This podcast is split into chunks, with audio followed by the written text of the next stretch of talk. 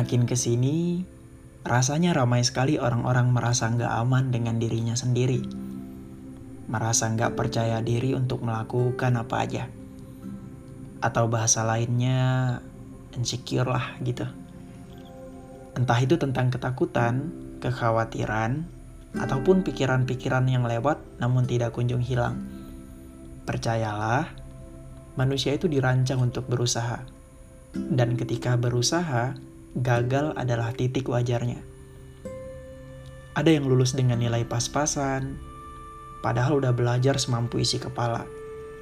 Ada yang gagal masuk PTN favoritnya, padahal udah memberikan yang terbaik. Ada yang masih berkutat dengan skripsinya, sampai sering banget di PHP nama dosen. Padahal udah niat banget ngerjainnya. Ada yang gagal tes CPNS, Padahal udah berjuang sebaik mungkin, mempersiapkan segalanya. Ada juga yang sudah lamar banyak pekerjaan, namun belum juga dapat panggilan. Ya, kita memang dirancang untuk merasakan kadang seneng, kadang sedih, kadang tertawa, kadang juga menangis, kadang bahagia banget, kadang juga hancur banget. Saya yakin kita punya titik terendah kita masing-masing yang mungkin disebabkan oleh banyak hal yang kita nggak bisa kendalikan alurnya. Lagi pula, roda kehidupan itu akan terus berputar pada porosnya. Sehingga dalam hidup, kita bisa merasakan banyak hal yang nggak pernah kita duga.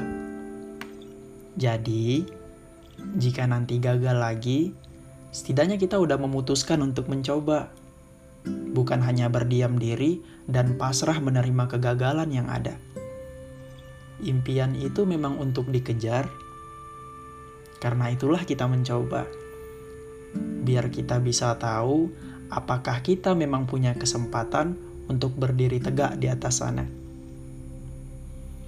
Dan jika ternyata kita masih gagal setelah dengan berusahanya mencoba, kita cari tangga yang lain karena untuk menuju kesuksesan, tangganya itu nggak cuma satu. Ada banyak tangga-tangga yang lain yang siap untuk kita naiki. Ya, kalau capek, istirahat dulu nggak apa-apa kok. Manusia memang lemah.